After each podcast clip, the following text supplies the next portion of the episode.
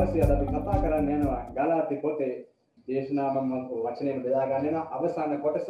ඉතින් අපි පසුගිය සතිවල කතා කරා ඔබ දන්නවා පෞල්තුමා එයා මේ පොත ගලාති පොත ඒ ගලාතින සභාවලට යවුවා. ඉතින් පෞල්තුමා පළවෙනි පරිච්ඡේද හතරේ ඔහු කියපු දෙයක් තමයි සුභාරංචිය නොවන්නේ මොකක්ද කියලා පාවුල්තුමා මේ මුල් පරිච්ඡේද හතරේ අපිට දැන්නවා.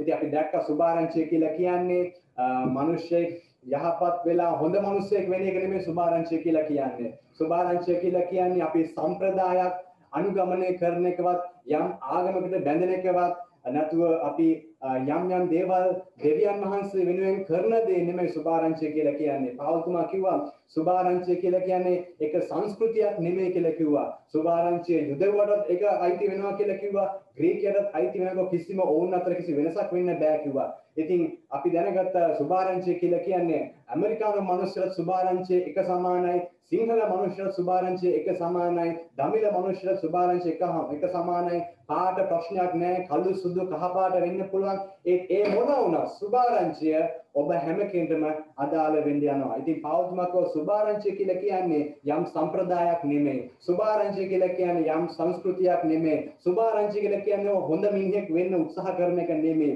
සුභාරංචිය කියලා කියන්නේ මොකක්ද? සුභාරංචිය කියලා කියන්නේ පෞද්ගලිකව කියනවා සම්පූර්ණයෙන්ම සුභාරංචිය කියලා කියන්නේ යේසුස් වහන්සේ පමණයි. යේසුස් වහන්සේ පමණයි සුභාරංචිය කියලා කියන්නේ. අපි දැක්කා පෞතුමා කියනවා යේසුස් වහන්සේ එයා තමයි මේ පොළොවට ඇවිල්ලා මනුෂ්‍ය වෙනුවෙන් කුරුසක මැරිලා දවස් තුනකින් මලොන්ගෙන් නැගිටලා උන්වහන්සේ ස්වර්ගයට ගියා. ඉතින් ඔබ සහ මම වෙනුවෙන් උන්වහන්සේ මිදි උන්වහන්සේගේ ලේ අපි වෙනුවෙන් පූජා කරා. ඉතින් ඕක තමයි සුභාරංචිය. ඉතින් උන් පෞතුමා කියන දැන් උන්වහන්සේ අපිව උන්වහන්සේගේ ප්‍රේමය අපිට පෙන්නවා. දැන් අපි පරිවර්තනය වෙලා තියෙන්න ඕන පරිවර්තනය වෙලා අපි දැන් අනිත් අයට අපි ප්‍රේම කරන්න අවශ්‍යයි. ඕක තමයි පෞල්තුමා කිව්වේ.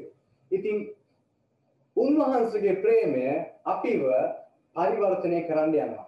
උන්වහන්සේගේ ප්‍රේමය අපිට උපකාර කරන්න යනවා අනිත් අයට ප්‍රේම කරන්න. ඉතින් ඒක තමයි මුල් පරිච්ඡේද හතර කිව්වේ. දැන් මේ අන්තිම දේශනාව නිසා තමයි මම ඔක්කොම නැවත පොඩ්ඩක් මතක් කරනවා. ඉතින් පස්වෙනි පරිච්ඡේදයේ පාවල්තුමා කිව්වා මොකද කිව්වේ? දැන් අපි යේසුස් වහන්සේව අදහන නිසා, උන්වහන්සේ පිළිගන්න නිසා දැන් උන්වහන්සේ අපිට එක්කෙනෙක් දීලා තියෙනවා. ඒ තමයි ආත්මයන් වහන්සේ කියන කෙනා උන්වහන්සේ අපිට දීලා තියෙනවා. මොකටද? අපේ ජීවිතේ බල ගන්නවලා පාපය රහිත ජීවිතයක් ගෙනියන පිණිස ආත්මයන් වහන්සේ අපිට දීලා තියෙනවා. ආමෙන්. පාපය රහිත ජීවිතයක් ගෙනියන පිණිස මම කිව්වා සුදා වහන්සේ ඒ අපිට සුභාරංචි අපිට දුන්නේ දිය අපිට කරුණාව අනුග්‍රහය අපිට දුන්නේ මොකටද අපිට පව් කරන්න බලපත්‍රයක් නෙමෙයි දුන්නේ පව් නොකරන්න පව් නොකර ජීවත් වෙන තමයි උන්වහන්සේ අපිට සුදා මාස දුන්නේ ආමෙන් ඒක අපිට උන්වහන්සේ අනුග්‍රහය දුන්නේ ඉතින් උන්න අපිට කිව්වා පස්වෙනි පරිස්සම අපි ගිය සතියේ බැලුවා. අපි දැක්කා කොහොමද මිනිස්සෙක් අපිට පුළුවන් යේසුස් වහන්සේ අදහන ගමන් වුණත් මාංශයේ ජීවත් වෙන්න පුළුවන්. අපිට පුළුවන් යේසුස් වහන්සේ අදහන ගමන් ආත්මෙන් ජීවත් වෙන්න පුළුවන්. ඉතින් මේ මිනිස්යාට කිතුරුවාට එනවා හැමදාම හැම දවසෙම. දවසේ පැය 24ෙම දින 365 මොකක්ද යන්නේ? මෙන්න මේ ආත්මික සටන ඇතුළාන්තේ තියෙන යනවා. අපි පරීක්ෂේ පස්වෙනි පරීක්ෂේ ඉගෙන ගත්තා. මොකද්ද මේ අපි මාංශයට අපි සතුටු කරන්න යන්නේ නැත්නම් අපි ආත්මෙද සතුටු කරන්න යන්නේ ආමෙන් මාංශයෙන් ගමන් කරොත් අපි මාංශයෙන් පැත්තෙන් අපි යන්න යනවා ආත්මෙන් අපි ගමන් කරොත් අපි ආත්මෙ පැත්තෙන් ගමන් කරන්න යනවා ඉතින් මම කිව්වා අපි කවුරුන් යාඥා කර ඵලියට নমස්කාර කර ඵලියට මිනිස්සෙක් ආත්මික වෙන්න යන්නේ නැහැ. කොහොමද ආත්මික වෙන්නේ? අපි ආත්මික මිනිස්සෙක් කියලා කියන්නේ කවුද? දිනපතා සුදා මහන්සගේ හඬ අහලා ගමන් කරන මිනිසයා. එයාගේ ජීවිතේ දේවල් තීරණය කරන්නේ මේ සුදා මහන්සිය කියන දේ අහලා කරනකොට. එයාට තමයි අපි ආත්මික මිනිස්සයා කියලා කියන්නේ. මානසික මිනිස්සයා කියලා කියන්නේ කවුද? මානසික මිනිස්සයා කියලා කියන්නේ අපේ අපේ ආසාවන් අපේ අපේ අපේ තියෙන දේවල් ආත්මාර්ථකාමීව Tamanට ඕන දේ කරන මිනිස්සයා තමයි මානසික මිනිස්සයා කියලා කියන්නේ. ඉතින් මේකට පාපේ විතරක් නෙමෙයි. මානසික කිව්වම නපුරු අදහස්. නපුරු ආකල්ප නැත්නම් වැරදි ආකල්ප. අපේ අපේ නපුරු ක්‍රියාවන්, වැරදි ක්‍රියාවන්, අපේ අපි දකින්න දේවල්, අපි බලන දේවල් මේවා නපුරුම දේව මානසික වෙනවා. ඉතින් මට කියන මානසික මිනිස්සෙක් කියලා කියන්නේ පාපය කරන එක විතරක් නෙමෙයි. මානසික මනුස්සයෙක් කියලා කියන්නේ දෙවියන් වහන්සේ අකමැති දේ කරන මනුස්සය. ඉතින් අපි දැනගත්තා. දැන් අපිට තියෙනවා මොකද පස්වෙනි පරීක්ෂණය කිව්වා. දෙවියන් වහන්සේ අපිව කැඳවලා තියෙන්නේ මොකටද? අපිව කැඳවලා තියෙන්නේ දැන් අපිට ශ්‍රද්ධා වහන්සේ දීලා තියෙනවා. අපිට ආත්මයෙන් ගමන් කරන හැකියාවක් දැන් තිබෙනවා. අපිට උන්වහන්සේ කිව්වා දැන් ඕගලන්ට කරන් තියෙන්නේ මොකද්ද? ඵල දරන්න තමයි තියෙන්නේ. කොහොමද ඵල දරන්නේ? අපි දවසෙන් දවස මොනවද? අපි ඉවසන්න යනවා අපි ප්‍රේම කරන්න යනවා අපි අපිවම පාන්සෝ අපිව ස්වයං පාලනය කරන්න යනවා අපි අපිවම අපි කරුණාවෙන් අනුමානසෙන් අපි අපි මෘදුකමෙන් සලකන්න යනවා ඉතින් මේවා දවසෙන් දවස අපි ආත්මයන් වහන්සේ තුල ගමන් කරනකොට මේ ඵලය අපි තුල වැඩි වෙන්න යනවා. ඔක තමයි අපි ගිය සතියේ පස්වෙනි පරිච්ඡේදයෙන් ඉගෙන ගත්තේ. මම හිතන ඕගලන්ට ඒක මතකයි කියලා. අද අපි කතා කරන්න යනවා. දැන් අපි කිතුණු වුණාට පස්සේ අපි යේසුස් වහන්සේ අදහගත්තට පස්සේ දැන් උන්නම පස්වෙනි පරිච්ඡේදය කිව්වා අපිට ශ්‍රද්ධාවන්සේ දීලා තිබෙනවා කියලා. දැන් අපිට කියනවා ඕගොල්ලෝ කිතුණු විදියට කොහොමද ජීවත් වෙන්නේ කියලා. එදිනදා කොහොමද කිතුණු විදියට ජීවත් වෙන්නේ. ඉතින් හයවෙනි පරිච්ඡේදය තමයි මේ කතා කරන්නේ. අපි බලමු හයවෙනි පරිච්ඡේදයේ මොකද්ද මෙතන කියන්නේ කියලා. මම විශ්වාස කරන ඔබ ඔබ කොටස කියවුවා කියලා. ඉතින් අපි පළවෙනි පදේ ඉඳන් හයවෙනි පදේ වෙනකම් පස්වෙනි පදේ වෙනකම් බැලුවොත් ගලාති පොතේ හයවෙනි පරිච්ඡේදයේ එකේ සිට පහ දැක්කොත් ඔබට මෙතන මෙතන මේ කොටසේ කියවන්නේ කියන්නේ මොකක්ද? අපි කවුරු හරි කෙනෙක් වරදකට අසු වුණොත් මොනවා කරන්න කියන්නේ? ආත්මික වූ නුඹලා සුදා වහන්සේගේ ආත්මයෙන් ගෙනියන ඔබලා ඒගොල්ලන් මොනවා කරන්න ඕන? ඒගොල්ලන්ව නැවත ඒකෙන් ගලව ගන්න උත්සාහ කරන්න ඕන කියලා කියලා තියෙනවා. ආමෙන්. දැන් ඒ වගේ මෙතන කියන කියන්නේ කවුරු හරි කෙනෙක් දැන් මෙතන මොකද කියන්නේ දැන් අපිට යේසුස් වහන්සේ පිළිගෙන මිනිස්සෙක් පාපට වැටෙන්න පුළුවන්. බයිබලයේ වචනේ පවුල්ම කියන ආත්මික අපිට වැඩක් වෙන කරන්නේ මොකක්ද? ඔබ ආත්මික මිනිස්සෙක් නම් එයාට උපකාර කරන්න ඒ පාපයෙන් ගොඩ එන්නට. අපිට වැඩක් තියෙනවා මොකද්ද? අපේ සහෝදරයෙක් සහෝදරියෙක් වැටුනොත් වැටුණා කියන්නේ දියු මැටර එක නෙමෙයි. පාපෙට වැටුනොත් මොකද වෙන්නේ යන්නේ? අපි කරන්න ඕන ඒ කෙනාට අපි උදව් කරන්න ඕන. හරිද? අපි උත්සාහ දරන්න ඕන එයාව ඒ තැනින් ගොඩ ගන්න. ඉතින් මතක තියාගන්න. හිතන්න එපා කට්ටිය දේවල දේවමේට ආව කියලා ඔක්කොම හොඳට ගමන් කරන්න යනවා කියලා. වැටෙන්න පුළුවන්. සහෝදර සහෝදරියෝ වැටෙන්න පුළුවන් අපගේ. දේවදාසයෝ වැටෙන්න පුළුවන්. හැබැයි මොකද්ද පවතුමා කියන්නේ? මොකද්ද කියන්නේ? එතන කියනවා ඔබ ඔවුන් මොනවද? හරව ගන්න නැත්නම් නැවත නැගිටින්න අතක් දෙන්න. මේ ඊට පස්සේ කියනවා නුඹ පරීක්ෂාවට නොපෙමිණ පිණිස බලා ගන්න. ඔන්න ඔතන තමයි අපි දැන් ගොඩක් අය වරද්ද ගන්නෙ. අපි කාටද උදව් කරන්න යනවා. ඒ පාර එයා ගිහිල්ලා මොකද්ද කවුරුහරි දොසක් තියෙනවා. අරයාගෙන වැරද්දක් කියනවා. ඉතින් මෙයාත් මොකද කරන්නේ? අර පාවුල්තුමා කියන පරීක්ෂණ අහුවෙන්න එපා කියලා මේ මිනිස්සුත් ගිහිල්ලා මේ ආත්මික කියන පුද්ගලයා ගිහිල්ලා මොනවද කරන්නේ? එයාත් එක්ක එකතු වෙලා දොස් කියන පටන් ගන්නවා. අපි යනවා ගිහිල්ලා එක්කෙන්ට කියනවා එයා පුළුවන් තරම් මේ මිනිස්සුගෙන වැරදිමයි කියන්නේ. ඇහුවොත් වැරදිමයි කියන්නේ. ඉතින් මම සභාව එක්කෙනෙක් විදිහට මම මේ පුද්ගලයාගේ ගාවට යනවා. ඉතින් මෙයා මේ කතාව කියනවා. හරිද? දොසමයි කියන්නේ. ඔබ ආත්මික කෙනෙක් නම් ඔබ කරන්න ඕනේ එයාත් එක්ක එකතු වෙලා බයින් එක නෙමෙයි. එයාට උදව් කරන එක ඒ තැනින් ගැලවෙන්න ගැලවෙන්න දෙන එක. මිනිස්සේ කේලම් කියද්දී ඔබ ගිහලා එයාත් එක්ක කේලම් කියලා හරියන්නේ නැහැ. මොනවද කරනව? ඔබ යාට උපකාර කරන එතනින් ගැලවෙලා ඉන්නට. ඉතින් ඒකෙන් කියන මොකද? අපි මේ ප්‍රේම කරනවා කියලා කියන්නේ ප්‍රේම කරනවා කියලා කියන්නේ මිනිස්සෙක්ව පාපයෙන් ගලවන්න උදව් කරන එකත් ඒක අපි ප්‍රේමය පෙන්වීම. මෙතන දෙවනි පදයේ කියනවා මොකද්ද? ක්‍රිස්තුස් වහන්සේගේ විවස්ථාව සම්පූර්ණ කරන්න. මොකක්ද මේ ක්‍රිස්තුස් වහන්සේගේ විවස්ථාව?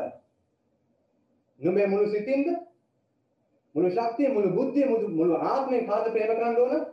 දෙවියන් වහන්සේ ප්‍රේම කරා. ඊට පස්සේ අනිත් එක මොකද්ද? නුඹේ අසල් ලෙස මොකද කරන්න තියෙන්නේ? නුඹට ප්‍රේම කරනවා වගේ නුඹේ අසල් ලෙස ප්‍රේම කරන්න. ඕක තමයි ක්‍රිස්තුස් වහන්සේගේ විවස්ථාව.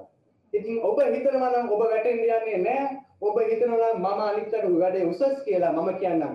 ඔබට වැරදෙනවා. මෙතන කියනවා කවුරු හිතනවා නම් කවුරු හිතනවා නම් කිසිත් නොවන කෙනෙක් තමා වැදගත් කෙනෙක් කියලා. තුන්වෙනි පදේ සිතන්නේ නම් ඔහු තමාම රවටා ගන්න. ඉතින් රැවටෙන්න යන්න එපා. මොකද්ද? ඔබ හිතන්න පුළුවන් ඔබ වැටෙන එකක් නැහැ කියලා. සහෝදර සහෝදරිය. අපි හැමෝම වැටෙන්න පුළුවන්. පරිස්සම් වෙන්න අවශ්‍යයි. ඒ උඩුකම අපිට ආවොත් මම වැටෙන්න යන්නේ නැහැ. මම ඔක්කොම හරියට කරන්න යනවා. ඒ උඩුකම ආවොත් ඔබ අනික් කෙනාට අහා බලන්න අර ඔබේ සහෝදරගේ පාපය දැකලා ඔබ එයා විනිශ්චය කරනවා. ඔබ හිතනවා ඔබට ඔබ ඔබ ඔබ ඔබ ගැන වැදගත් ලෙස සැලකෙන නිසා තමයි ඔබ අනික් කෙනාට පල්ලෙහාට දාලා බලන්නේ. ආ එයා පව් කරානේ. හා හොඳ වැඩේ. කොහොමද කියන්නේ හොඳ වැඩේ. එහෙම නෙමෙයි. මතන අපි හැමෝම තමන් රවට්ට ගන්න එපා. අපි ඔක්කොම වැටෙන්න පුළුවන්. ඉතින් අපි අවශ්‍යයි අපි අපිවම අපි ඔක්කොම එක සමානයි මේ වෙලාවේ. අපි ඔක්කොම වැටෙන්න පුළුවන්. මම දැකලා තියෙනවා වැටෙන්නේ නැහැ කියලා හිතුවොත් මිනිස්සු වැටලා තියෙනවා. ඕ වැටෙන්නේ නැහැ කියලා හිතුවොත් මිනිස්සු වැටලා තියෙනවා. වැටෙන්න පුළුවන්. ඉතින් ඔබ හිතන ඔබ වැටෙන්නේ නැහැ කියලා පරිස්සම් වෙන්න. ඔබ ඔබව රවටා ගැනීමක් කරන්නේ. ඉතින් මේ වෙලාව අපිට කරන මොකද්ද? අපිට වැඩක් තියෙනවා දැන් කරන්න. මොකක්ද මේ වැඩේ? නුමුත් හතරවෙනි පදයේ කියනවා එකිනෙකා තම තමාගේ වැඩය සෝදිසි කෙරේවා එවිට ඔහුට වෙන කෙනෙක් ගැන නොව තමා ගැන පමණක්ම පාරත්ව තිබේ. මක්නිසාද එකිනෙකා තම තමාගේ බර උසුලන්නේ ඕ ස්වාමීනි. මොකක්ද මෙතන කියන්නේ? අපි ඔබ ඔබ ගැන සෝදිස කරලා බලන්න ඕන. ඔබ හැමදාම උදේට නැගිටලා නැත්නම් රෑ නිින්දට යන්න කලින් ඔබ බලන්න ඕන ඔබේ ජීවිතය කොහෙද තිබෙන්නේ කියලා. ඔබ බලන්න ඔබේ ජීවිතේ අද දවසේ මානසික නනුවද ගියේ නැත්නම් ආත්ම නනුවද ගියේ. මම දැන් වැටිලාද ඉන්නේ අධෛර්යමත් වෙලාද ඉන්නේ මම ප්‍රීතියෙන්ද ඉන්නේ මම ශක්තිමත්ද ඉන්නේ ඔබ ඔබ ගැන සෝචි කරලා බලන්න අවශ්‍යයි. මනුෂ්‍යයන්ගේ ලොකුම ප්‍රශ්න තමයි අද මොකද්ද? Taman දන්නේ Taman මොකද්ද කරන්නේ කියලා. Taman දන්නේ. ඉතින් අන් තව කෙනෙක් කියනකම් ඉන්න ඕන Taman තමන්ගේ වැරද්ද බලා ගන්න. ඉතින් තමන් බලන්න අවශ්‍යයි තමන් හරිද කොහෙද ඉන්නේ කියලා. කොහොමද ඒක බලාගන්නේ? කොහොමද තමන් තමන්ව සෝල්සි කරගන්නේ? කොහොමද? කොහොමද තමන් තමන් සෝල්සි කරගන්නේ? ඒ තමයි ඔබ දේව වචනේ කියවද්දී සුදා මහන්සි ඔබට ඉදරව කරන්න. ඔබ බයිබලයේ කියවද්දී ඔබේ ජීවිතේ කැඩපතක් ඔබේ පේන්න පටන් ගන්නවා. කවුරු මනුස්සෙක් උඩගුණම් එයාට ගිහිල්ලා ඔබ තේරුම් ගන්න අවශ්‍යයි ඔබගේ ජීවිතේ උඩුකම පොඩ්ඩක් ඇවිල්ලා තියෙනවා නම් ඔබ තේරුම් ගන්න අවශ්‍යයි. ඔබ තමන්ව සෝල්සි කරලා බලන්න අවශ්‍යයි. මගේ ජීවිතේ උඩුකමක් තියෙනවද කියලා. ඔබත් මේ බලන්න මොකද? එකිනෙකාගේ බර. මොනවා කරන්න ඕන? තමන් තමන්ගේ බර අරන් යන්න ඕන. ආමෙන්. තව එකක් මම ඔබට කියන්න කැමති ඒ තමයි අපි හිතන ගොඩක් අය දේවස්ථානයේ නැත්නම් සේවය තමයි ඔබව උස්ලම් යන්න ඕන කියලා දේශනා වුණ මොනවද හදලා ඒක ළඟට මොනවද තැපල් කරලා අත ළඟටම ගෙනත් දෙන්න ඕන. මොකද ඔබ හිතනවා ඔබගේ ආත්මික ජීවිතේ රඳා පවතින්නේ පල්ලියේ පාස්ටර්ගේ අතේ කියලා. ඔබ හිතනවා ඔබගේ ආත්මික ජීවිතේ රඳා පවතින්නේ කොහෙද? ඒ කරන සේවය මත කියලා. නෑ. ඔබගේ ආත්මික ජීවිතේ රඳා පවතින සහෝදරය සහෝදරිය මොකක්ද? තමන් තමා මතමයි. ආමෙන්. මට දේශනා කරන්න පුළුවන්. හැබැයි ඒක කරන එක තියෙන ඔබේ අතේ. මට කියන්න පුළුවන් යාඥා කරන්න කියලා. හැබැයි යාඥා කරන එක තියෙන්නේ ඔබේ අතේ. ආමෙන්. බයිබලේ කියන තමාගේ බර තමා අරන් යන්න ඕනේ. එහා කෙනාට කියන තමන්ගේ බර තමන් අරන් යන්න ඕන. කියන්නේ තමන්ගේ බර වෙන කාටවත් දෙන්න එපා. හරියට වෙන කාටවත් දෙන්න එපා. ඇයි තමන්ගේ බර වෙන කාටවත් අරන් යන්න බෑ. ඔබ හැමදාම ඔබේ ජීවිතය සෝදිසි කරලා බලන්න අවශ්‍යයි මම ආත්මිකව කොහෙද ඉන්නේ. ඉතින් මෙතන කියනවා වාක්‍ය ඉගෙන ගන්නා උගන්වන්නාට සියලු යහපත් දෙයින් දේවා. දැන් මෙතන කියනවා වාක්‍ය ඉගෙන ගන්නා උගන්වන්නාට සියලු යහපත් දෙයින් දේවා. දැන් මෙතන හොඳ ආත්මික ප්‍රතිපත්තියක් අපිට කියනවා මොකද්ද? එතන කියනවා ඔබ කාගේ හරි දේ වචනේ ඉගෙන ගන්නවද මොකද්ද කියන්නේ? ඔබගෙන් සියලු යහපත් මොනවද කරන්න ඕන? යහපත්කම ඔහුට දෙන්න අවශ්‍යයි. කවුරුහරි කෙනෙක් ඔබට දේවචනය උගන්වනවද? කවුරුහරි කෙනෙක් ඔබට ආත්මිකව මඟ පෙන්වනවද? ඔබට තියෙන යුතුයකමක් ඒ පුද්ගලයාට ආශිර්වාදයක් වෙන්නට.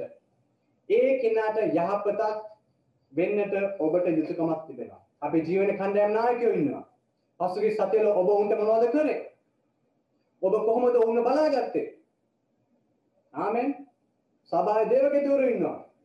ඔබ කොහොමද උඹ බලාගත්තේ? සභාවට තමයි වගේ සභාවේ ඉන්න මිනිස්සුන් තමයි වක්කීම තියෙන්නේ මේ පදේ හැටියට මොකද්ද? ඒ සභාවේ ඉන්න නායකයන්ව බලා ගන්නට. මම දන්නවා අපේ අපේ සභාවට දේවදාසෙක් දේශනා කරන්න ආවම කවුරු කෙනෙක් දේශනා කරන්න ආව අපි කරන දේ තමයි අපි කියනවා ප්‍රේමයේ දීමනාව කියලා එකක් එයාට දෙනවා. ඇයි දෙන්නේ? ඒක දෙන්නේ එයාට දේශනා කරලා පස්සේ අපි උන්නට පස්සේ පාස්ටර් ඔබට බොහොම ස්තුතියි අපි වෙනුවෙන් මේ ඇවිල්ලා මේ වචනේ අපිත් එක්ක බෙදාගත්තට කියලා අපි ප්‍රේමයේ දීමනාවක් දෙනවා. ඇයි අපිට වචනය උගන්වපු කෙනාට මොනවද අපි කරන්නේ? අපි යහපත් දෙයි අපි සියලු යහපත් දේ මුට දෙනවා. ආමෙන්. ඔබ කරන්න අවශ්‍යයි. ඔබේ ජීවන කණ්ඩායමේ නායකයන්ට ඔබ යහපත් දේ කරන්න අවශ්‍යයි. ඉතින් ඔබ එසේ කරන්න අවශ්‍යයි. ඉතින් ඔබට මේ අවුරුදු මේ සතියේ ඔබට මම අභියෝගයක් දෙනවා මොකද්ද? ඔබ ඔබගේ ජීවන කණ්ඩායම නායකයට කෝල් ඇදලා අහන්න. එයානේ හැමදාම ඔයගොල්ලෝ ගැන අහන්නේ. එයානේ හැමදාම ඔයගොල්ලෝ ගැන හොයලා බලන්නේ අහන්න කොහොමද? බ්‍රදර් සිස්ටර් කොහොමද හොඳින් ඉන්නවද? හරිද? බොහොම ස්තුතියි අපිට කෝල් කරලා අපි ගැන මෙහෙම අහනවට. ඉතා අත්‍යවශ්‍යයි. මොකද මේ මොකද මේ වචනේ කියනවා හයවෙනි පදේ වාක්‍ය ඉගෙන ගන්නා උගන්වන්නාට සියලු යහපත් දෙයි දේවා. ආමෙන්. ආමෙන්. ඉතින් ඊට අපි ඉස්සරහට යන්න. දැන් තමයි මගේ දේශනාව පටන් ගන්න. මෙතන මොකද්ද කියන්නේ? මෙතන කියනවා හයවෙනි පදේ හත්වෙනි හයවෙනි පරිච්ඡේදයේ හත්වෙනි පදේ මෙතන කියනවා. මොකද්ද කියන්නේ? එතන කියනවා නොරැවටෙන්න දෙවියන් වහන්සේට සරදම් කරන්නට කාටවත් බැරිය. මක් නිසාද මිනිස්සෙක් තමා වපුරන දේම කපා ගන්නේය. ඔන්න දෙවියන් පාවුතුමා අපිට ආත්මික ප්‍රතිපත්තියක් උගන්වනවා මේ වෙලාව. මොකද්ද?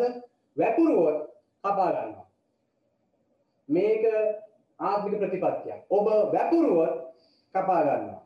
හරිද? දැන් මොකද මෙතන කියන්නේ? මෙතන කියනවා රැවටෙන්න එපා. ඇයි පාවුතුමා එහෙම කියන්නේ? මිනිස්සු රැවටිලා තියෙන හින්දා තමයි පාවුතුමා කියන්නේ රැවටෙන්න එපා. හත්වෙනි පදේ කියනවා. රැවටෙන්න එපා. ඇයි ඒ? රැවටෙන්න එපා. ඇයි රැවටෙන්න එපා කියන්නේ?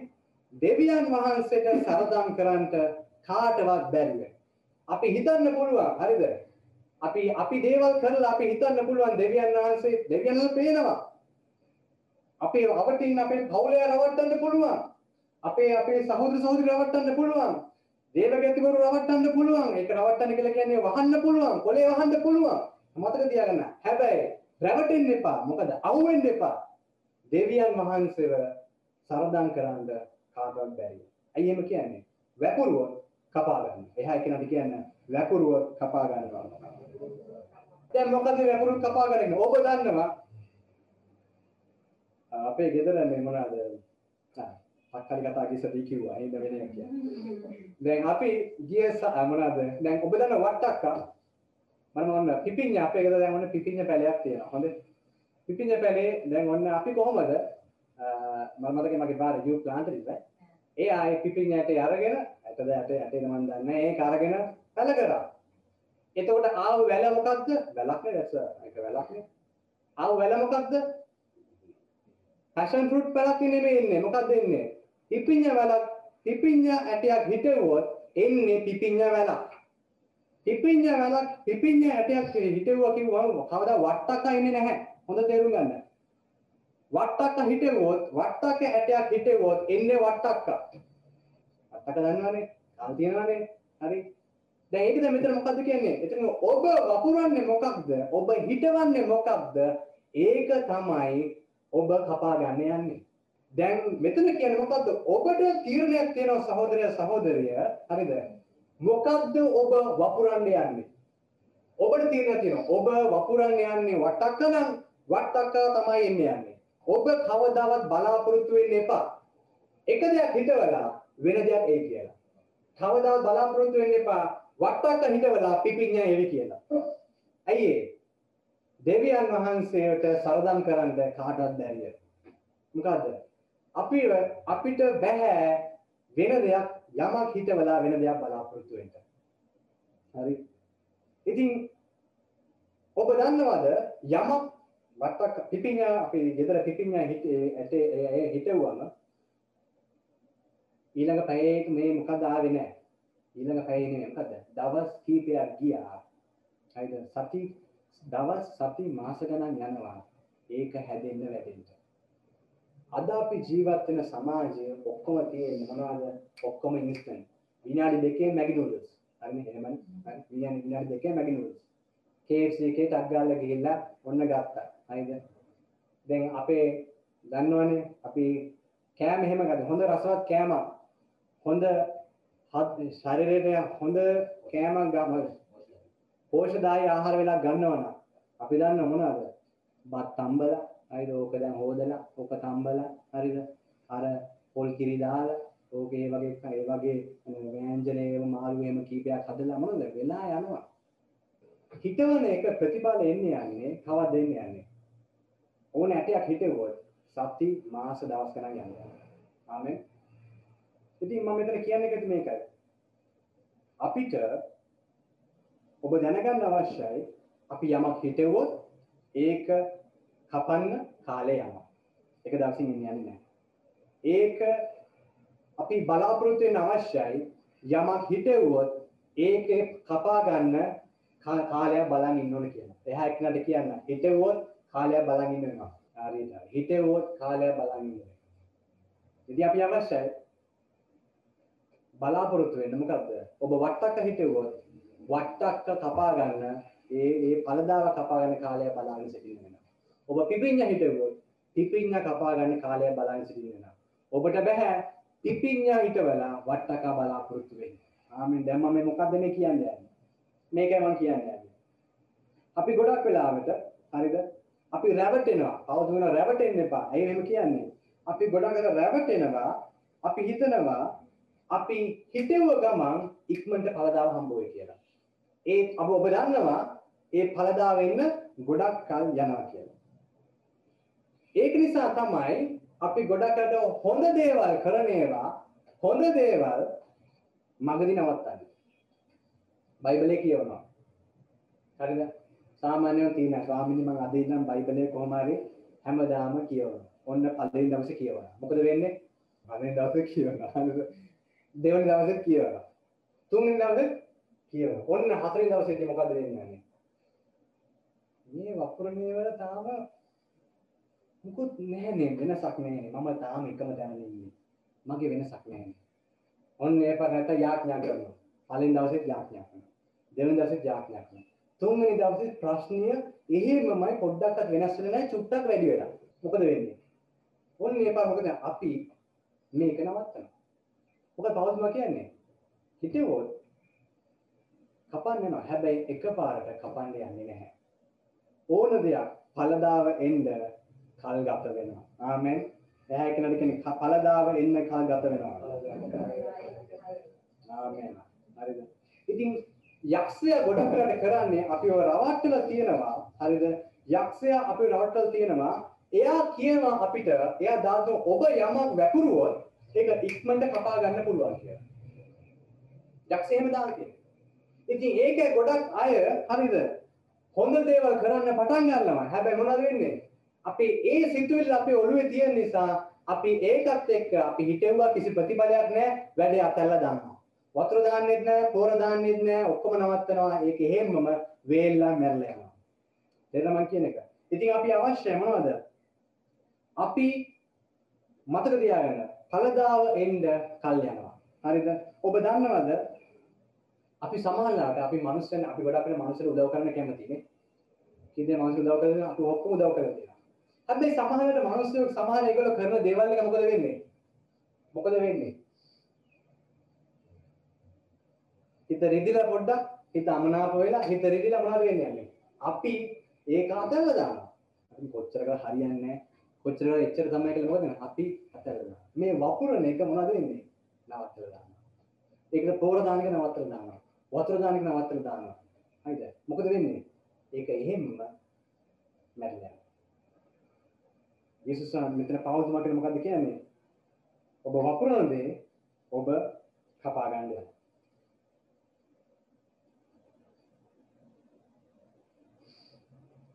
ඔබ සමානලට ඔබ තීරණයක් ගන්නවා මම අද ඉඳන් යේසුස් වහන්සේ වෙනුවෙන් ජීවත් වෙනවා කියලා. හැබැයි ජීවිතේ ඉන්න ප්‍රශ්නයි ඒවත් එක්ක හරිද මොකද වෙන්නේ යන්නේ? අර වැපුරු ඔක්කොම නවත්තලා හරිද? ආයෙ අර පරණ මාර්ගයට යනවා. මොකද වෙන්නේ? කලදාවක් කපා ගන්න බෑ. තේරෙනවා කියන එක. ඵලදාව කපා ගන්න බෑ. ඔබ ඒ වපුරන යහපත් දේ වපුරන එක කවදාවත් කපා ගන්න බෑ. මම ඔබ ධෛර්යමත් කරන්න කැමති මොකද්ද? කවදාවත් මොනවද කියන්නේ? ඔබ වපුරන යහපත් දේවල් වපුරන්න, යහපත් දේවල් කරන්න, මිනිස්යන්ට සේවය කරන්න, දිගටම යාඥා කරන්න, බයිබලය කියවන්න, ඔබ මිනිසුන්ට දිගටම ප්‍රේම කරන්න ඔබේ හිත රිද්දුවත් මොකද දවසක ඔබ මේ වපුරන යහපත් දේවල් කපා ගන්නට යනවා යනවා යනවාමයි. ආමෙන්. මම පැහැදිලිව කියන්නම්. ඔබ ඒ වපුරන යහපත් දේවල් ආත්ම මානසික තුල ගන්නේ හරි තීරණ යහපත් තීරණ ඒවා ඔබ කපා ගන්න යනවා යනවාමයි. ඔබට මේ වෙලේ පේන එකක් නෑ. ඔබට හෙට පේන එකක් නෑ. ලබන සතියේ පේන එකක් නැහැ. ඔබට සියල්ල හොඳ වෙන වගේ පළදාව ගෙඩියක් වගේ එනවා පේන එකක් නැහැ. හැබැයි ඔබ දවසක මොනවද වෙන්නේ? ඔබ වපුරපු යහපත් දේවල් කපා ගන්න යනවා. ආමෙන්. එහා එක්කනට කියන්නේ ඔබ වපුරපුව යහපත් දේවල් කපා ගන්න යනවා. ආමෙන්. ආමෙන්. දැන් මෙතන කියනවා ඊට පස්සේ අටවෙනි පදයේ කියනවා. මොකද කියන්නේ? ඕන දැන් අපි තව ටිකක් ගැඹුරට යනවා. මොකද ඒක කියන්නේ? අටවෙනි පදයේ කියනවා. අපි ඔක්කොම කියමු මේ වෙලාවේ. එකයි දෙකයි තුනයි. ඒ හැටියට තමාගේ මාංශය සඳහා වපුරන්නා මාංශයෙන් කුණු වීම කපා ගන්නේය. ආත්ම මාංශය සඳහා වපුරන්නා ආත්ම මාංශයේ සදාකාල ජීවනය කපා ගන්නේ ඔන්න දැන් පාවුල්තුමා දැන් අපි තව ටිකක් ගැඹුරට අරගෙන මොකද කියන්නේ?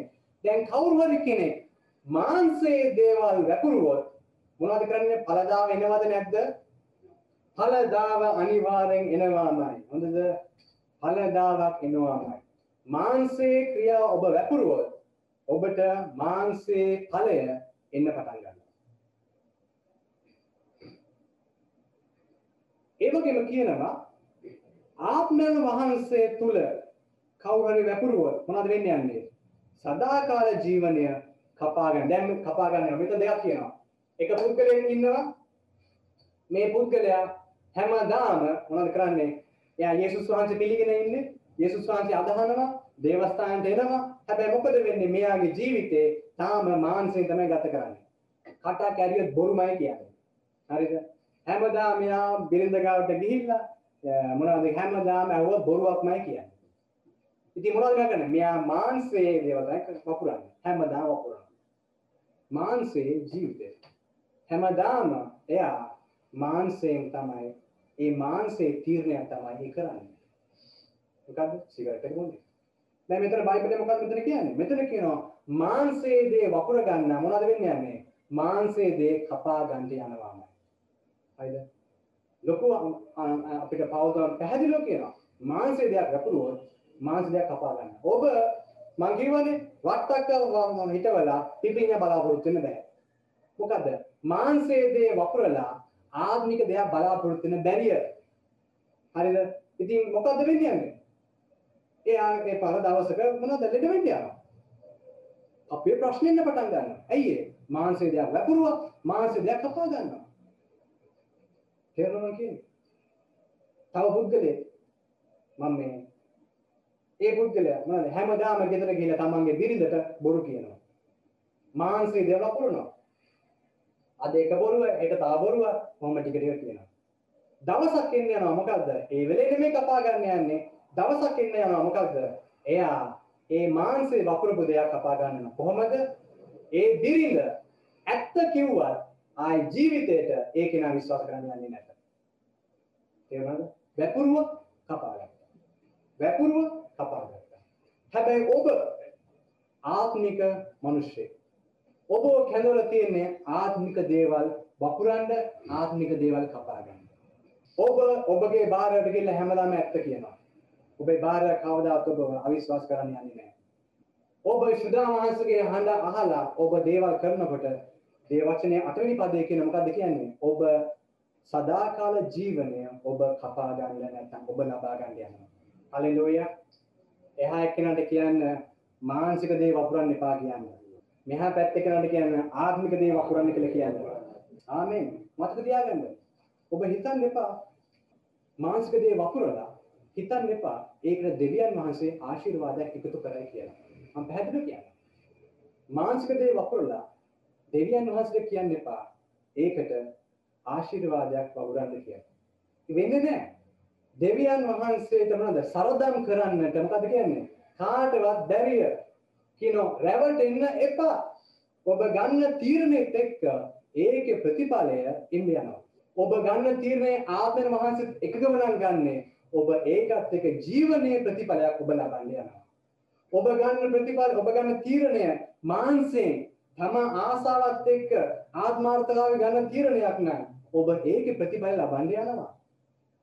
තේරුණාද? හරිද? ඉතින් අපි අවශ්‍යයි මේ අලුත් දියුස්මේ කියන්නේ. පාවුල් පාවතුමා කියන්නේ මොකද්ද කියන්නේ? ඉතින් අපි අවශ්‍යයි මොකද්ද? අපිට ශුදා වහන්සේ ඔබ හැම කෙනෙක්ටම දීලා තිබෙනවා. ඔබට පුළුවන් ආත්මේ ගමන් කරන්න. ආමෙන්. ඔබට ශුදා වහන්සේ කියන්න යනවා මේ තීරණය ගන්න එපා. ඒ තීරණය වැරදි. මෙන්න මේ තීරණය ගන්න ඒ තීරණය හරි. ඒකෙන් ඔබට සදාකල් ජීවනය හම්බෙනවා. ඔබ ආත්මේ ගමන් කරන්න අවශ්‍යයි සහෝදරය සහෝදරිය. හලෙලූයා. හලෙලූයා. ඉතින් ඒ හින්දා පාවුතුමා අපිට කියනවා මොකද කියන්නේ? තවද යහපත්කම් කිරීමට මැලි නොයමු මක් නිසාද අපි ක්ලාන්ත නොවිමු නම් නියම කාලයේදී කපා ගන්නෙමු. දැන් පාවුතුමා කියන මොකද්ද? ඒ නිසා යහපත් දේවල් කරන්න කවදාවත් මොනවද? මැලි වෙන්න එපා. හරිද? අර මනුස්සයට උදව් කරාම ඒ මනුස්සයව හූරන් කන්නම් බලන් ඉන්නේ. ඒත් ඔබ ඒ කෙනාට ප්‍රඥාවෙන් යුතුව එයාට උදව් කරන්න. ඇයි ඒ? දෙවියන් වහන්සේ සුදුසු කාලේ ඔබට යහපත් දේ ප්‍රතිඵල කපා ගන්න යනවා. ඔබ දෙන්න යනවා. ආමෙන්. ඉතින් මෙතන කියන ඔබ යහපත් දාවේ දේවල් කරද්දී ක්ලාන්ත වෙන්න එපා. ඔබ සමහර සුභාරංචිය කියනවා ඇති. දැන් ඔබට සමහර අදායමත් වෙලා ඇති. අයියෝ සුභාරංචිය මෙච්චර කල් කිව්වා කවුරුත් ආවේ නැහැ, ආවේ නැහැ කියලා. දෙවියන් වහන්සේ කියන මොකද්ද? පවතුමා කියන මොකද්ද කියන්නේ? යහපත්කම් කරන එක මැලි වෙන්න එපා, ක්ලාන්ත වෙන්න එපා. දිගටම කරන්න. මොකද ඔබ දවසක ඒක කපා ගන්න යනවා යනවා. ඉතින් අපි අවශ්‍ය තේරුම් ගන්න. අපේ කිතුණු ජීවිතේ ඔබ කැඳලා තියෙන්නේ ශුද්ධාත්ම වහන්සේට කීකරුව ගමන් කරන්න. ඔබ ජේසුස් වහන්සේ පිළිගත්තට පස්සේ උන්වහන්සේ ඔබෙන් පැහැදිලිව පැහැදිලිව බලාපොරොත්තු වෙනවා මොකද්ද? ඔබ ශුද්ධාත්ම වහන්සේ කීකරුව ආත්මයෙන් යුතුව ආත්මයෙන් ගමන් කරයි කියලා. ඉතින් එහෙම ගමන් කරනකොට සහෝදර සහෝදරිය ඔබ සදාකාල ජීවනය ඔබ අත්පත් කරගන්න යනවා. ඔබ කවදාත් විනාශ වෙන්න යන්නේ යන්නේ නැහැ. මාංශයෙන් ජීවත් වෙලා විනාශයට පත් වෙන්න පුළුවන්. ඔබ ඉදර දේ පල්ලියට එන්න පුළුවන්, යාඥා කරන්න පුළුවන්, ඒ ඔක්කොම කරන්න පුළුවන්. හැබැයි ඔබ ජීවත් වෙන්නේ මාංශේ නම්, ගන්නේ මාංශේ තීරණ නම්, ඒ පුද්ගලයා විනාශ වෙන්න යනවා. පයිප් බයිනයි කියන්නේ. බයිබල් කියන්නේ එහෙම. ඉතින් අපි අවශ්‍යයි. පස්වෙනි පරිච්ඡේදය කිව්වා. ශුද්ධ වහන්සේට දීලා තියෙනවා. උන්වහන්සේ ඵල ඔබට දැන් දීලා තිබෙනවා. ඔබට පුළුවන් පෞ රහිත ආත්මික ජීවිතයක් ආත්මයෙන් ගමන් කරන්න පුළුවන්. ඒ පාර යන්න කියලා උන්වහන්සේ කිව්වා. ගමන් කරන්න. ඔබ දවසක ඔබ වපුරපු ඒ යහපත් දේවල් ප්‍රතිඵල ඔබ කපා ගන්න යනවා. දැන් ඔබ අහන්න පුළුවන් අනේ පාස්ටර් දැන් අපිට අපි ගොඩක් අපි ඉස්සර වරද්ද ගත්තා නේද? අපි වැරදි තීරණ ගත්තා නේද? දැන් මොකද අපිට බලාපොරොත්තුවක් නැද්ද? මොකද දැන් අපි කරන්න යන්නේ? මම ඔබට එකක් කියන්න. ඔබ මාන්සේ ගිය පාර නවත්තලා හැරෙන්න පසුතැවෙන්න පසුතැවෙල්ල ඇවිල්ලා ශුදා මහන්සේ කියන මාර්ගයේ යන්න ඔබ තීරණය කරන්න. එතකොට ඔබට බලාපොරොත්තුවක් තියෙන්න ඔබ මාන්සේ මාර්ගෙම ඒ ගත්ත තීරණෙත් එක්කම නම් ඔබ දිගටම ගමන් කරන සහෝදරය සහෝදරිය. හරිද? මෙතන පදේ පදේ කියන ඔබ විනාශයට යන්න යනවා කියලා. හැබැයි ඔබට බලාපොරොත්තුවක් තියෙනවා. මොකක්ද? ඔබ ආයි ඒ පාරෙන් හැරිලා ඒ තීරණ ඔක්කොම ආයි හදන්න පුළුවන් තීරණ ඔක්කොම හදාගෙන නැවත ශුද්ධාත්මනි ශුද්ධාත්මනි මෙන්න මම ඔබ වහන්සේ ඉදිරියේ ඉන්නවා මට සමා වෙන්න මම ඔබ වහන්සේ කියන විදිහට අදීනම් ගමන් කරනවා ඔබට සදාකාල ජීවනය ඔබගේ දැන් ඉන්න ජීවිත ජීවනය ඔබ ලබන්න යනවා. ඔබ මුරණ්ඩු වුණොත් ඔබ උඩගු වුණොත් උඩෝකම කියලා කියන්නේ මොකක්ද උඩෝකම කියලා කියන්නේ? මම මොකටද එයා කියන්නේ අහන්නේ? මම මොකටද දෙවියන් වහන්සේ කියන්නේ අහන්නේ? මම මොකටද බයිබලයේ කියන දේ කරන්නේ? මම මොකටද පාස්ටර් කියන්නේ අහන්නේ? මට පුළුවන් යන්න මේ විදිහට යන්න. මට කාටවත් කී කරේ නෑ මම දන්නවා මේ පාර තමයි හරි පාර කියලා. ඔබ මේ පාරේ යනවා. මාංශේ පාර ඉතින් ඔබ දවස් දවස් යනවා. විනාශයට යනවා. හැබැයි ඔබ කිව්වා ස්වාමීනි මට සමා වෙන්න මගේ අතින් පවුන කරා හරියට අකීකරු පුත්‍රයා වගේ. මට වැරදුනා. මට සමා වෙන්න මම ස්වර්ගයට පොළොට විරුද්ධව වැරදි කරා. මම නැවත ඔබ වහන්සේ දාලා දෙනවා. මෙයා මොකද කරේ? කෙලින්ම මේ අකිකුරු පුත්‍රයා තාත්තා ගාව තාත්තා ගේට්ටුව ගාව බලන් හිටියා. තාත්තා දැක්ක පුතා එනවා දැක්කා. මතක තියාගන්න. තාත්තා කවදා උරු කොටුවට ගියේ නෑ පුතාව ගේන්න. පුතාට සිදු වුණා. හැරිලා එන්නට. ආවට පස්සේ තමයි තාත්තා දැක්කේ දුර ඉද්දිම දුවලා දුවලා ගිහිල්ලා තාත්තා පුතා බදාගත්තා. දෙවියන් වහන්සේ ඔබව පිළිගන්න ඕනලක බලන් ඉන්නවා. හැබැයි උන්වහන්සේ ඌරු කොටුවට එන්න යන්නේ නැහැ. ඔබව අරගෙන යන්න. ඔබට වැඩක් තියෙනවා කරන්න මොකද්ද? අර මාංශයේ මාර්ගයේ එක නැවතිලා ඒ ගත තීරණ ඔක්කොම නවත්තලා අනිත් පැත්තට හැරිලා ස්වාමීනි මම පසුතැවෙනවා. ඔබ වහන්සේ වෙතට මම නැවත එනවා කියලා කිව්වම මම අදින් ඉඳන් ඔබ වහන්සේ කියන ගමන් කරනවා කියලා කිව්වම ඔබ වහන්සේ දෙවියන් වහන්සේ ඔබ නැවතත් ඒ ආත්මික මාර්ගයේ ඔබට ජීවනයත් එක්ක ගමන් කරන වාසේ කරුණාව දෙන්න යනවා. හලෙලූයා. ඉතින් අවසානයේ අපිට පාවතුමා කිව්වේ මෙන්න මෙච්චරයි. පාවතුමා කිව්ව මොකද්ද? ඒ හින්දා කවදාවත් යහපත් යහපත්කම් කරන එක නවත්තන්න එපා. මම අපේ සභාවේ ඉන්න අය හොඳ වුණා, නරක වුණා, දේවදූතයෝ වුණා, වෙන වෙන අය වුණා. මම ඔවුන්ට යහපත්කම් කරනවා. ඇයි දන්නවද? දේවියන් වහන්සේ මං වපුරන ඒවාට දවසක මං කපා ගන්න යනවා. ආමෙන්. ක්ලාන්ත වෙන අවස්ථා තිබ්බා. මගේ ජීවිතේ ක්ලාන්ත වෙන අවස්ථා තිබ්බා. මට මම අධෛර්යමත් වෙච්ච අවස්ථා තිබ්බා. මට මතකයි මම මොනවද මම මට මේක මැලි වෙච්ච අවස්ථා තිබ්බා. අන්කෝ සානි මම මේක කරන්න බෑ. මට ක්ලාන්ත මට මට ක්ලාන්ත වෙච්ච අවස්ථා තිබ්බා. හැබැයි මෙතන මොකද්ද කියන්නේ? ඒ ඔක්කොම පැත්තක දාලා උන්වහන්සේ ඔබ ඔබ යමක් යහපත් දෙයක් ඔබ වැපරුවොත් ඒක වපුරන්නේ මතයි. කාටවත් ඒක පේන්නේ නැහැ. කාටවත් පේන්නේ නැහැ. ඒක වපුරන්නේ මතයි. මම ඒක ප්‍රස්තාව ආම වෙලාව ආම ඒකේ ඵලදාව ඔබ කපා ගන්න යනවා. ඔබටත් ඒක අදාළයි. මොකද ඔබ යහපත් දේවල් කරන්න ඔබේ අසල් වැසියන්ට උදව් කරන්න හරිද ගණන් හදන්න එපා මම මෙච්චර දුන්න යා මෙච්චර දුන්න. අරයා මෙච්චර එහෙම මම යාට එහෙම කරන්න එපා. උදව් කරන්න. අසල් ලෙසට ප්‍රේම කරන්න. මනුෂ්‍ය වටේ පිට ඉන්න උදව් කරන්න. යහපත්කම් කරන්න. ඇයි දන්නවද? ඔබ වකුරන ඒවා ඔබත් ඔබේ පවුලත් කපා ගන්න යනවා ඔබක වකුරන යහපත් දේවල් ඔබත් ඔබේ පවුලත් කපා ගන්නවා එන ඔබෙන් අයදිනව මේ වෙලාවේ මම ඔබෙන් අයදිනවා අයහපත් දේවල් වපුරන්න යන්න එපා. කේලම් කියන්න යන්න එපා. කොටවන්න යන්න එපා. බොරු කියන්න යන්න එපා. චරිත ඝාතන කරන්න යන්න එපා. හරිද? මේ අර උඩ ලිස්ට් එකක් තියෙනවනේ මොකද ලිස්ට් එක? පස්වෙනි පරිච්ඡේදයේ කියනවා. ඔය කියනවා කරන්න යන්න එපා. මොකද ඔබ ඒවා කරොත් ඔබ ඒවා කපා ගන්න යනවා. ඉතින් අපිට බෑ අපේ දෙවියන් වහන්සේව රවට්ටන්න. උන්වහන්සේගේ විනිශ්චය එන්න පුළුවන්. වපුරපුවා කපා ගන්න. ඉතින් අද දවසේ ඔබට තීරණයක් තියෙනවා. මොකද මේ තීරණය? ඔබේ අතේ තියෙනවා බීජ දෙකක්. මොකද මේ බීජ දෙක? ඔබ අතේ මේ අතේ වම් අතේ තියෙනවා මාංශයේ බීජය. දකුණු අතේ තියෙනවා මොකක්ද? ආත්මීය බීජය. හැමදාම උදේ පාන්දරම නැගිට්ටම ඔබ තීරණය කරන්න ඕන අද දවසේ මම වපුරන්න යන්නේ මාංශයේ බීජයක්ද නැත්නම් මම වපුරන්න යන්නේ ආත්මික බීජයක්ද ඔබ වැපරුවේ මාංශයේ බීජයක් බොරුවක් නම් ඔබේ කපා ගන්න යනවා ඔබ වැපුරුවේ යහපත් දෙයක් නම් ඔබ ඒක ඒ යහපත ඒකේ ප්‍රතිඵල ඔබ කපා ගන්න යනවා. ඉතින් මතක තියාගන්න මේක තීරණය ඔබ අතේ තමයි. මම යහපත වපුරනවද? මම නපුර වපුරනවද? මම මානසයෙන් ගමන් කරනවද? නැත්නම් මම ආත්මයෙන් ගමන් කරනවද? ඔබ ඒ ගන්න තීරණ අනුව ඔබ ජීවිතේ ඵල දරන්න යනවා. නපුරු ඵල හරි යහපත් ඵල හරි මගේ යාඥාව මොකක්ද? ඔබ අපි සභාවක් විදියට යහපත් ඵලධර්ම ආත්මයෙන් ගමන් කරන සභාවක් වෙන්න ඕන කියන එක. ඉතින් මෙතන අපිට අන්තිම 14 වෙනි පදයේ කියනවා එතන කියනවා නමුත් අපගේ ස්වාමී යේසුස් ක්‍රිස්තුස් වහන්සේ කුරුසිය ගැන මිස වෙන කිසි දෙයක් ගැන මට පාරක්කු කරගන්නට මට නම් සිද්ධ නොවේවා. ඒ කර්ණ කොටගෙන ලෝකයේද මටද මා ලෝකයේද කුරුසියේ ඇන ගසන ලද්දේ විය. පාලසිනි පදේ කියනවා මක් නිසාද අලුත් මැවිල්ල මිස චර්මච්ඡේදයකවත් අචර්මච්ඡේදයකවත් කිසිවෙක් නොවේ. තවද යම් යම් පමණදී මේ විදිය ප්‍රකාර හැසිරෙන්නෝද ඔවුන්ට දෙවියන් වහන්සේගේ ඊශ්‍රායලට සමාදානය දවයාවක් වේවා. මින්මතු කිසිවෙක් මට කරදර නොකරේවා. මක් නිසාද මම යේසුස් වහන්සේගේ සලකුණු මාගේ ශරීරය දරමි. සහෝදරනි අපගේ ස්වාමී යේසුස් ක්‍රිස්තුස් වහන්සේ කරුණාව නුඹලාගේ ආත්ම සමග වේවා. මෙතන අවසානයේ කියනවා මට පවතින මට පාරට කරගන්න කිසිම දෙයක් නැහැ.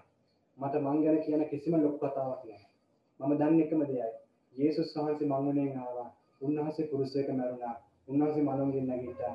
දැන් මට සදාකල් ජීවනයේ මා උන්වහන්සේ සමාව දීලා පිළිගෙන තිබෙනවා. ඒ හින්දා උන්වහන්සේ මට උන්වහන්සේගේ ආත්මය දීලා තිබෙනවා. ආත්මේ සුදා වහන්සේගේ අනුව ගමන් කරන මිනිස්සෙක් වෙන කෙනෙක්. ඉතින් අපි මේ වෙලාවේ අපි යාඥා කරමු. අද අපි ඉතාම අපි අපේ සභාව ඇවිල්ලා අපි සංදිස්ථානකට ඇවිල්ලා තිබෙනවා. අපිට එදිනෙදා අපිට තීරණයක් ගන්න වෙලා තිබෙනවා. මොකක්ද? ඒ තීරණය තමයි මම ආත්මයෙන් ගමන් කරනවාද මානසයෙන් ගමන් කරනවාද කියලා. මේ වෙලාවේ අපි යාඥා කරන ස්වාමීන් වහන්සේ. ඔබ පොඩ්ඩක් හිතන්න. තව මාස 6කින් වේවා. තව අවුරුද්දකින් වේවා. තව අවුරුදු 10කින් වේවා.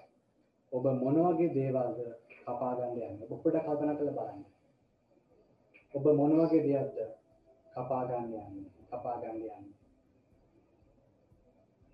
ඔබ හැම කෙනෙක් ඇස් දෙක වහගන්න. ඔබ කියන්නේ ඔබ කියන්නේ මේක අපි යාඥා කළ ස්වාමීන් වහන්සේගෙන් අමුතු බලයක් ඉල්ලලා වැඩක් නෑ. ඔබ කියන්නේ බස් ස්වාමීන්ට උපකාර කරන්න කියලා කියන්න එපා. ඔබ කියන්නේ ස්වාමීනි මම අද තීරණයක් ගන්නවා. මානසයෙන් ගමන් කරන්න නෙමෙයි ආත්මය. ඔබ වහන්සේගේ හඬ අහලා ගමන් කරන්න මම තීරණයක් ගන්නවා. මම අද තීරණයක් ගන්නවා.